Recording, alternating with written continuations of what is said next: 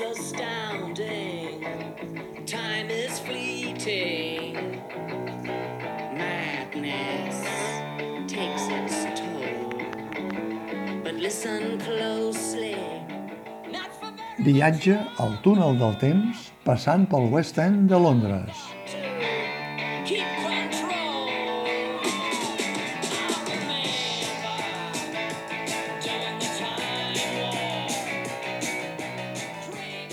50 anys no se celebren cada dia. Per això la companyia del musical de Rocky Horror Show han decidit que els celebrarien fent una gira europea que ha començat precisament a Barcelona i que continuarà a Turí, Nàpols, Roma, Milà, Pàdua, Ljubljana, Dublín, Manchester, Glasgow o París. Una gira que dona l'oportunitat als espectadors catalans de veure en versió original anglesa la interpretació de la companyia que ha estat actuant al West End de Londres i que es pot seguir, a més, amb un sobretitulat en espanyol amb dues grans pantalles amb còmode cos de lletra gegant a banda i banda de l'escenari, tant pel que fa a les escenes dialogades com a la transcripció de les lletres de cadascuna de les peces del musical. The Rocky Horror Show va arrencar el 1973 al Theatre Upstairs de Londres, un espai amb només una seixantena de localitats. De seguida es va constatar que requeria un aforament més gran fins a arribar al Comedy Theatre, un espai del West End de Londres, amb capacitat per uns 800 espectadors. Després de les primeres 3.000 funcions, a la dècada dels anys 80, l'espectacle va obrir una reposició que va ser el punt de partida per una programació des d'aleshores pràcticament permanent al Regne Unit. Tan permanent que el mateix llibret de The Rocky Horror Show inclou unes intervencions previstes de rèpliques concretes que es poden fer des de la mateixa platea per part dels espectadors, cosa que en la meva funció del Teatre Col·legiam de Barcelona es va poder comprovar que n'hi havia de prou coneixedors per llançar les seves rèpliques i contrarèpliques, sobretot en les escenes del narrador, de la mateixa manera que també es va complir la tradició de veure-hi alguns espectadors fans del musical amb disfresses idònies per a l'ambientació kitsch de l'espectacle.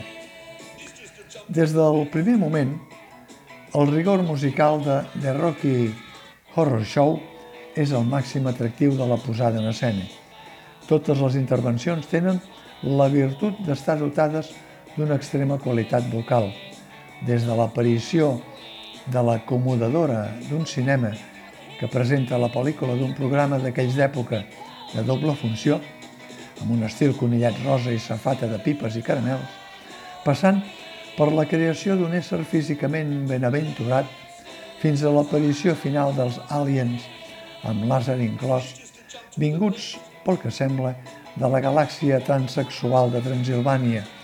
que rematen una trama que és una barreja de cinema de terror, de ciència-ficció, de futurisme, d'alliberament sexual, de transvestisme, de comèdia light, de conte estil gore i de divertimento teatral absolut. Una il·luminació brillant,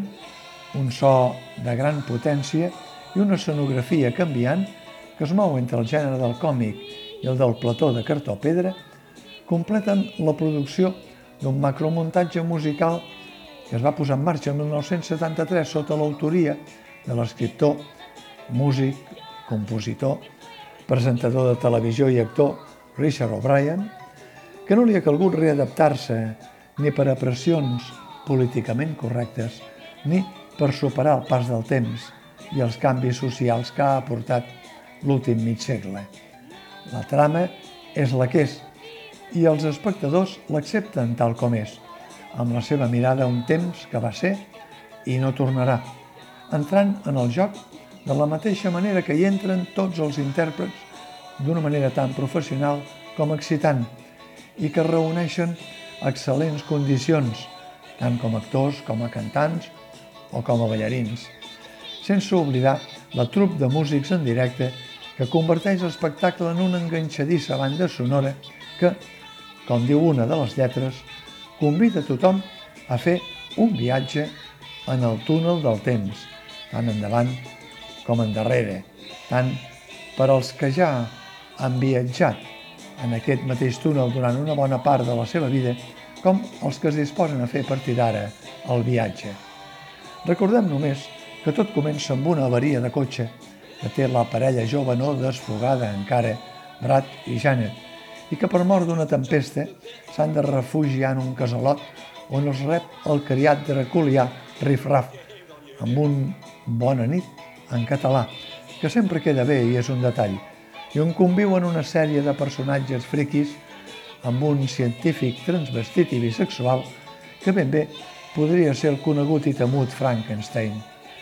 Aquest breu pas per Barcelona de The Rocky Horror Show és una ocasió única per a fans i no fans del musical, sense haver de volar al West End de Londres, per unir-se als més de 30 milions d'espectadors acumulats de 30 països de tot el món i 20 traduccions que des de fa 50 anys fan un salt a l'esquerra i un pas cap a la dreta i posen les mans als malucs, talment com si el rock and roll acabés d'esclatar ara mateix.